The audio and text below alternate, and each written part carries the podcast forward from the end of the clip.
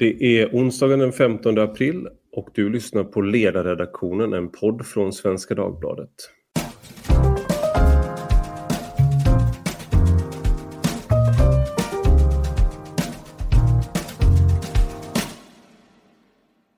And today we're talking to Freddie Sayers, who is the executive editor of Unheard. Uh, welcome. Thank you. And Unheard, it's a new web based, or pretty new, it's three years old, a web based magazine which describes itself like this. As you may have guessed from our strange spelling, Unheard aims to do two things to push back against the herd mentality with new and bold thinking, and to provide a platform for otherwise unheard ideas, peoples, and places. So your your the name of your publication is uh, is very timely because of the everybody's talking about the herd immune, immunity and uh, and uh, Donald Trump talked about Sweden doing the herd and uh, and stuff like that. So it's it's a great name, but perhaps trying to think what unheard immunity would mean. But uh, unheard immunity, yeah, yeah.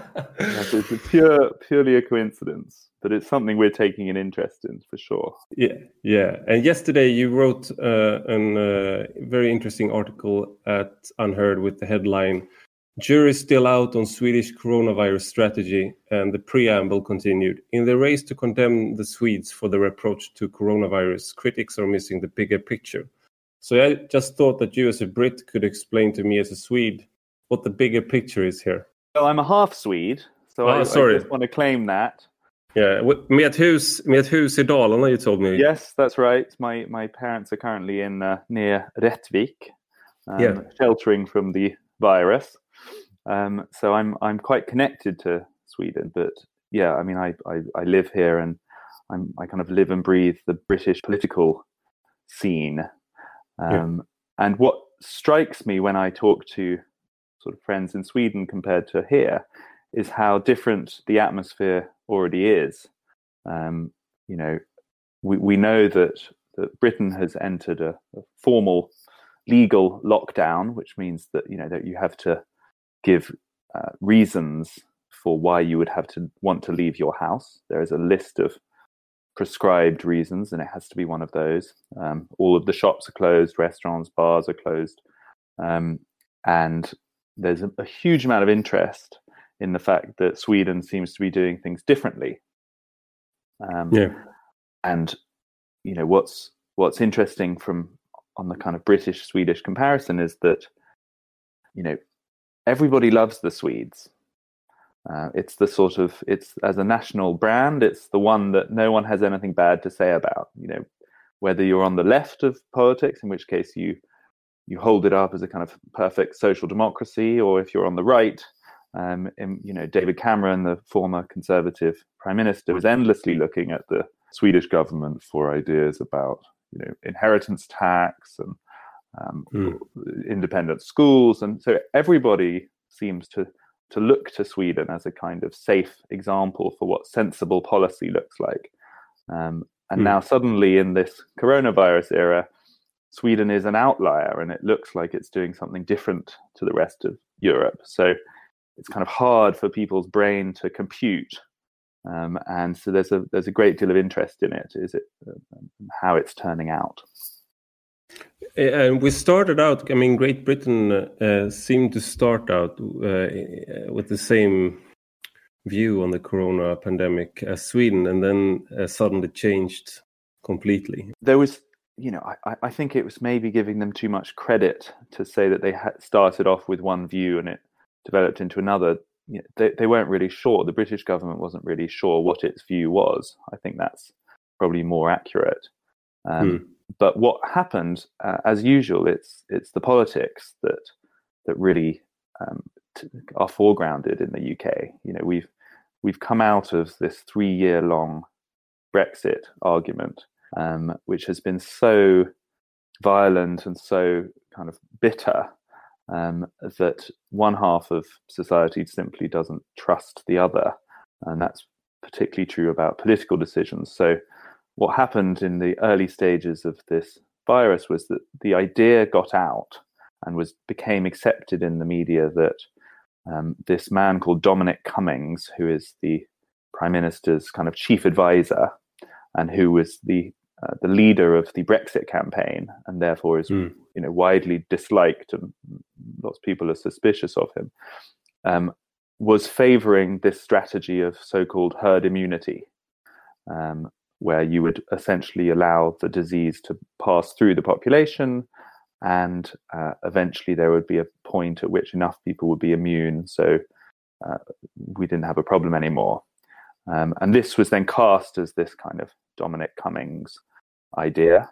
Um, and that essentially it almost became like he was advocating sacrificing people's lives for the sake of some kind of crazy computer model or to rescue the economy or for other kinds of some, reasons. Some kind of uh, neoliberal social Darwinism or something like that, or was that think, the criticism? Well, it was. I don't think it was. It wasn't especially well thought through because um, you know if it was dark politics that he was interested in. I mean, the, the virus targets old people who are the ones who voted for Brexit, so it was quite sort of illogical why he would be so keen to um, attack the supporters of his main project. But you know, it became a thing. Yes. Yeah, yeah, it became a big scandal. Um, and th- immediately after that, there was a, a model um, produced by Imperial College, a very famous university in the UK, um, showing that if we continued on this so called mitigation strategy, um, by their forecasts, we would lose 250,000 people to the virus. Mm. Um, and so it, it very quickly became a kind of emergency, and they moved to a much more radical lockdown policy within days. So the Monday after that, it was announced, uh, and we have been locked down ever since. Uh, in uh, in Sweden, I, I was uh, just earlier this morning. I was out for a run with a with a friend uh, with the social social distancing, but uh, there's a lot of people moving around still. But we we, we, we even Swedes have stopped traveling to a larger degree. I mean the the social distancing measures that Swedes have taken upon themselves have been have often gone further than the official recommendations from uh, uh, our health uh, agency. And uh, um, uh, so so we we have i mean it's uh, the restaurants aren't closed formally but they are closing because they have a lot of them at least because customers are not are not coming in the same degree and right. So, yeah, so, so in the end, it, it, it, may not be such a big difference in terms of um, outcome. I saw some some data. I think it was Google data looking at how much people are moving about, um, yeah. and it, it, looks like in, in Stockholm it's still down seventy or so percent from normal. So there's obviously a huge um, difference from normal, but it's still more than in countries where there is a legal lockdown. In uh, some of the big cities in Europe, I, I, think the numbers were down 90% or something like that in Paris. And uh, yeah. uh, I mean, in Spain and Italy, of course, it's even, even more so. But uh, Paris, I mean, that's right. And, and Paris is now illegal to go out jogging during daylight hours. You're not allowed to go oh. between uh, 10 a.m. and 7 p.m.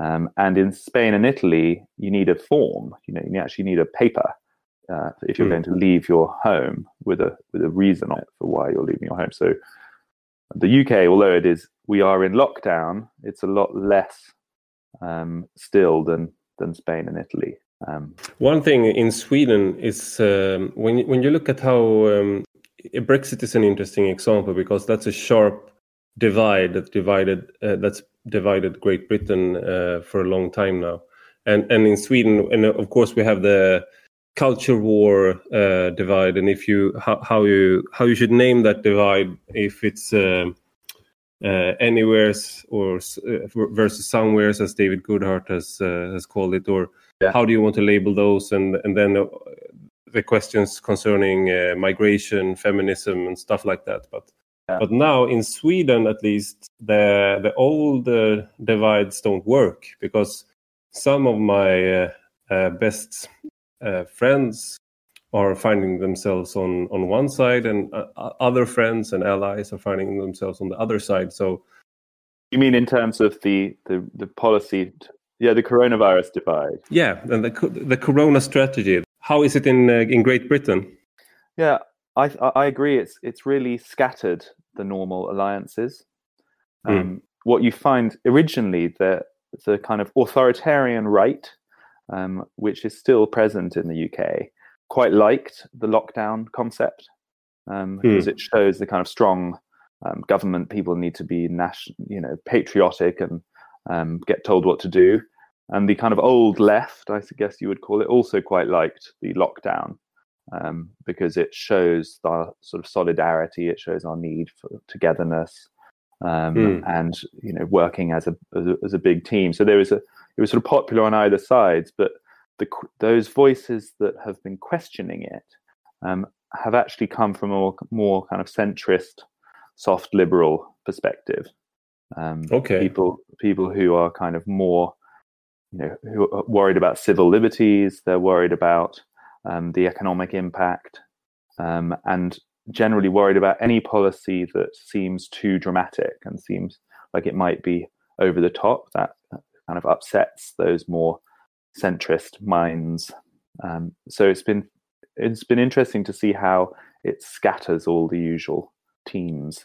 Yeah, it's very interesting and and uh, uh, disorienting. I think uh, I'm I'm an editorial writer, so I write. Uh, I mean, opinion pieces mostly, but I, I, it's very hard to have an. Um, an uh, I have a for very informed opinion on this because it's such it's so complex.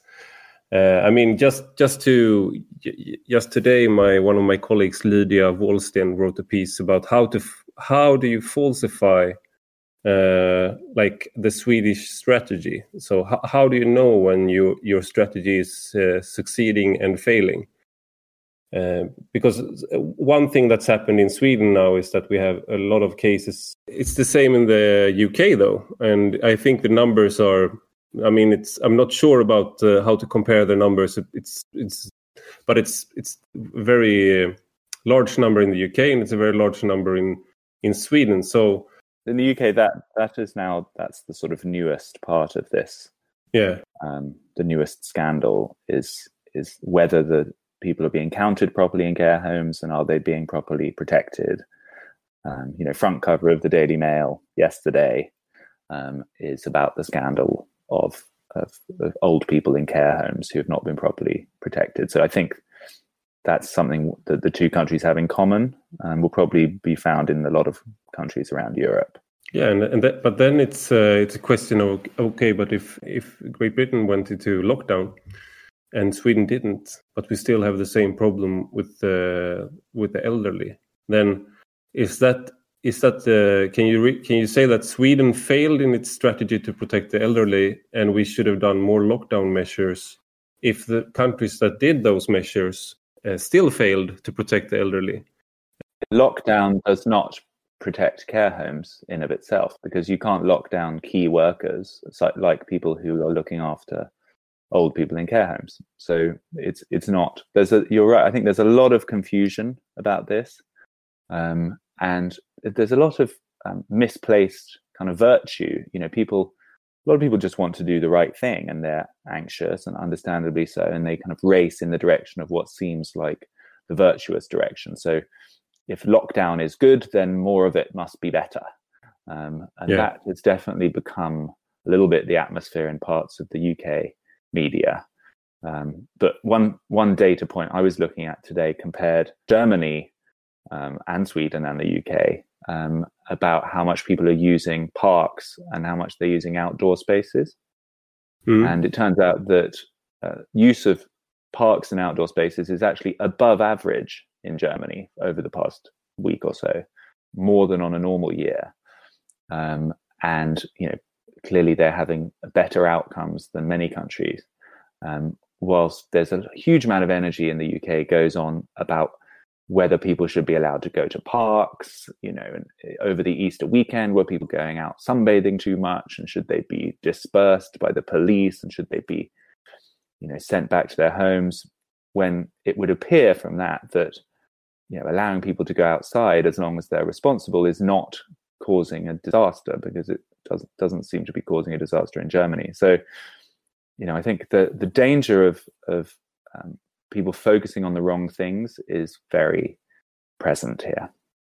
Yeah, and one, uh, I mean, I've been very critical of our um, uh, health uh, health service, uh, Folkhälsomyndigheten. It's uh, I've been very critical of them because in the beginning of this crisis, they underestimated, uh, systemically uh, underestimated the, the threat from the coronavirus, and they played down the threat in, in all instances. And uh, and if you warned warned uh, that this might turn into a pandemic and that we should take uh, precautions, uh, then you were labeled an alarmists like uh, the epidemiologist Björn Olsen that I interviewed here on this podcast.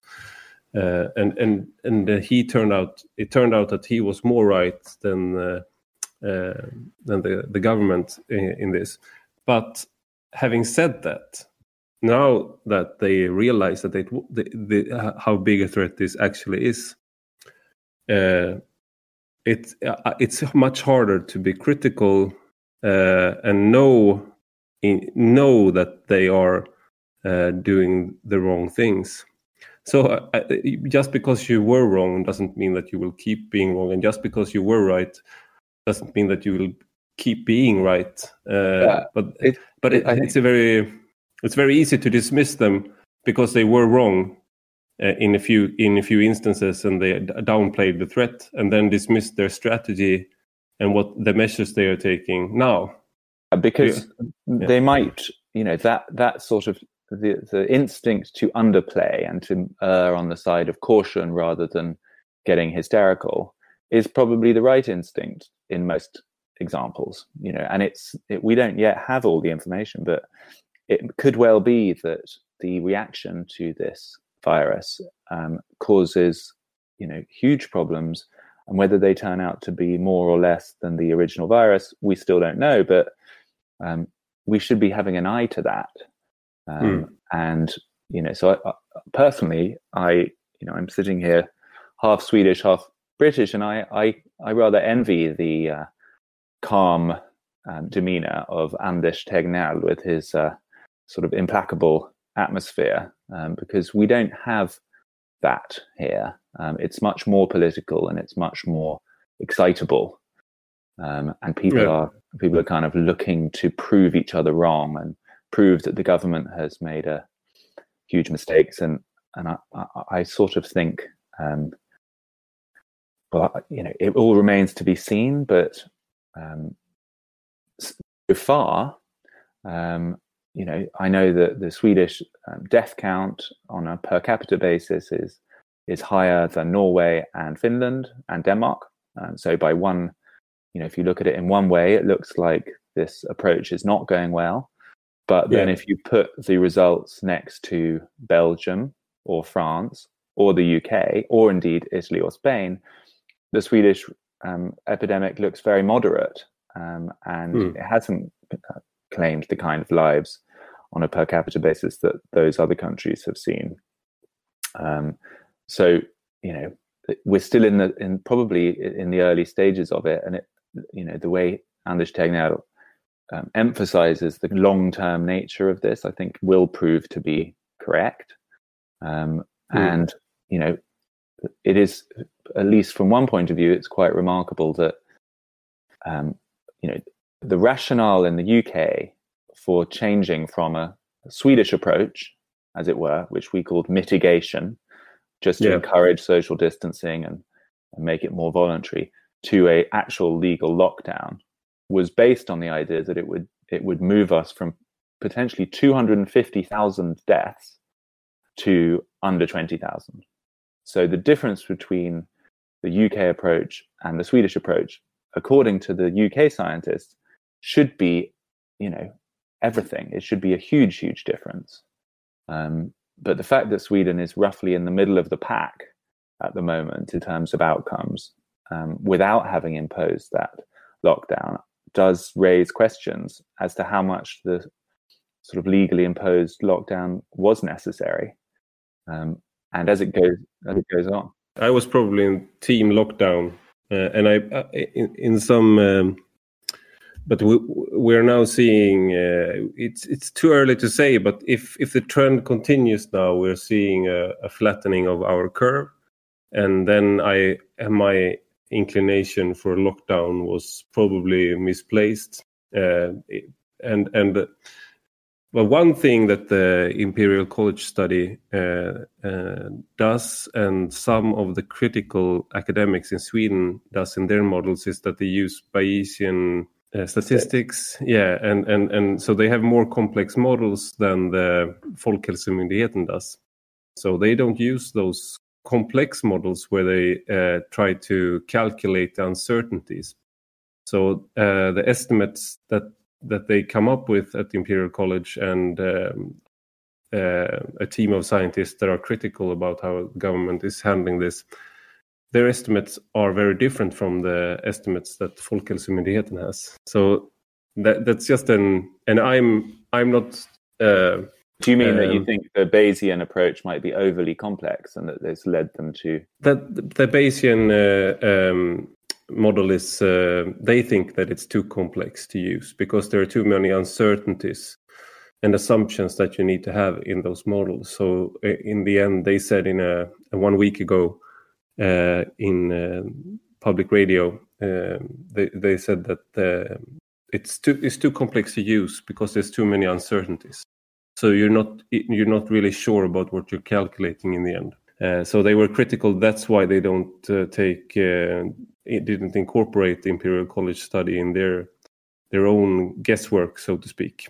Well, it's not just it's not just the Imperial College study. The uh, IHME in the US, yeah. which is the equivalent public health body that's been producing the kind of authoritative forecasts, their their models have been way off. Um, you know, mm. they have they the the kind of numbers of intensive care beds they forecast would be needed in New York or around the country by now have not happened at all. And New York has been very badly hit, but even so, they were out by a factor of four or five. Mm. Um, and they keep reduce, they keep revising them every day downward, you know, by very large measures. So I think it, we, it's right to be cautious about those kind of um, computer models um, because there are so many uncertainties. We don't know fatality rates. We don't know. There's a lot of things we don't know about the virus so far. Um, yeah you know so uh, the instinct to be a little bit skeptical about models that promise or forecast apocalyptic scenarios uh, i do have sympathy with and then the beauty is that you can actually see uh, if they were correct if you backtrack and and how, how correct they were, how off they were. So you say that it's a factor of four or five that they were incorrect with. So you can actually see which models works best if you if you um, when, when you look at it. The problem is that you're experimenting with actual lives, so it's not a model in the in the laboratory, or right. uh, so so. Uh, I mean, that's a criticism of the Swedish uh, the Swedish way of doing this is that we are conducting an, a large experiment. Some scientists in Sweden are criticizing our government for conducting a huge experiment uh, in comparing us to other European countries. The other way of thinking about it, though, is that the other European countries are conducting a huge live experiment. Yeah, and even huger. well, yeah. To, I mean, to shut down the entirety of society has never been done before. Um, and who knows what the effects will be, and who knows how easy it will be to start it back up. I mean, mm. you know, in the, in the UK, the opinion polling suggests that it's something like 92% of people are still in favor of the lockdown. Um, mm. And huge swathes of people are being paid full salary for not working. Um, they're at home. You know, there is a portion of society that is quite happy about lockdown for now. Um, and it's going to be, you know, I think that the next phase of this is going to be surprisingly difficult to persuade people to get back to normal. Yeah, it's, it's interesting that you say that 92% is in favor of the lockdown because I think that it's 90% that are have a high high trust in how the government is handling this crisis in Sweden. But it's an, a different strategy. So it seems like people are rallying behind their their leaders, uh, so to speak. Uh, they do. They they you know before before Unheard, I was at YouGov, the uh, opinion pollster, Yeah. Um, and that that that is what happens. You know, when when when people get scared, they do tend to rally around authority figures. Again, I think there's a difference though, which is that in the UK, it's more political. Basically, you know, your Mm. the Tegnell is a technocrat. He's a he's a scientist. Um, he's not a politician, and it, and it is. It seems like your decisions are more devolved to uh, scientists, um, which gives it at least a kind of even temper. Um, Hmm. Whilst here uh, in the UK, you know, the tendency, at least among the media, is to look to prove that the government has got it wrong. That is the agenda. Hmm. You know, so there's all those charts that everyone looks at on the Financial Times and elsewhere, and I'm sure SVD as well, comparing different countries and numbers of deaths and so on. You know, the, the all of the energy goes to show that we, the UK government, has done has made a mistake. And you, what's your opinion of, on that? Is uh, do, you, do you think that they have done a done a mistake? Because you, you, you sort of imply that in your um, in your piece uh, at Unheard that uh, that we started out with. I, I actually, I think the UK, I take the kind of unfashionable view that actually they've done an okay job. It's a sort of middle of the road response. You know, there will be, you know, certainly it will be proven that they could have done better about preparing equi- equipment for people, for nurses. They could have done better about protecting care homes and those kinds of things, which I'm sure will be happening in countries across Europe. But if you look a little bit further afield, you know, you look at uh, President Trump in America, um, who was asked two days ago what the metric would be for lifting lockdown, and he pointed at his head and said, "The metric's in here." Uh, you know, um, or if you look, you know, down to Bolsonaro in Brazil, Very stable genius. Yeah. you know, uh, the reality is that European countries like Sweden and the UK are doing their best with imperfect information. Um, and, you know, I think so far the, the big fear was that the health service would be overrun and that that would then lead to a kind of exponential disaster where, where people couldn't be treated for anything, uh, like happened in one in some hospitals in northern Italy. That has not Yeah. happened in the UK. Um, Mm, not in Sweden either. We're We still don't have a not, the- single- the hospitals are still not full. Yeah, and we, in fact, some of them are even emptier because the normal procedures have been suspended. Yeah. Um, so we, you know, I think that's a, a more fair test. Is do we, you know, the UK has Heathrow Airport, the biggest airport in Europe, in the heart of it. It's a huge global metropolis, and we've had people coming in and out throughout December, throughout January and February, and you would expect that that could lead to a really very very bad um, advanced pandemic.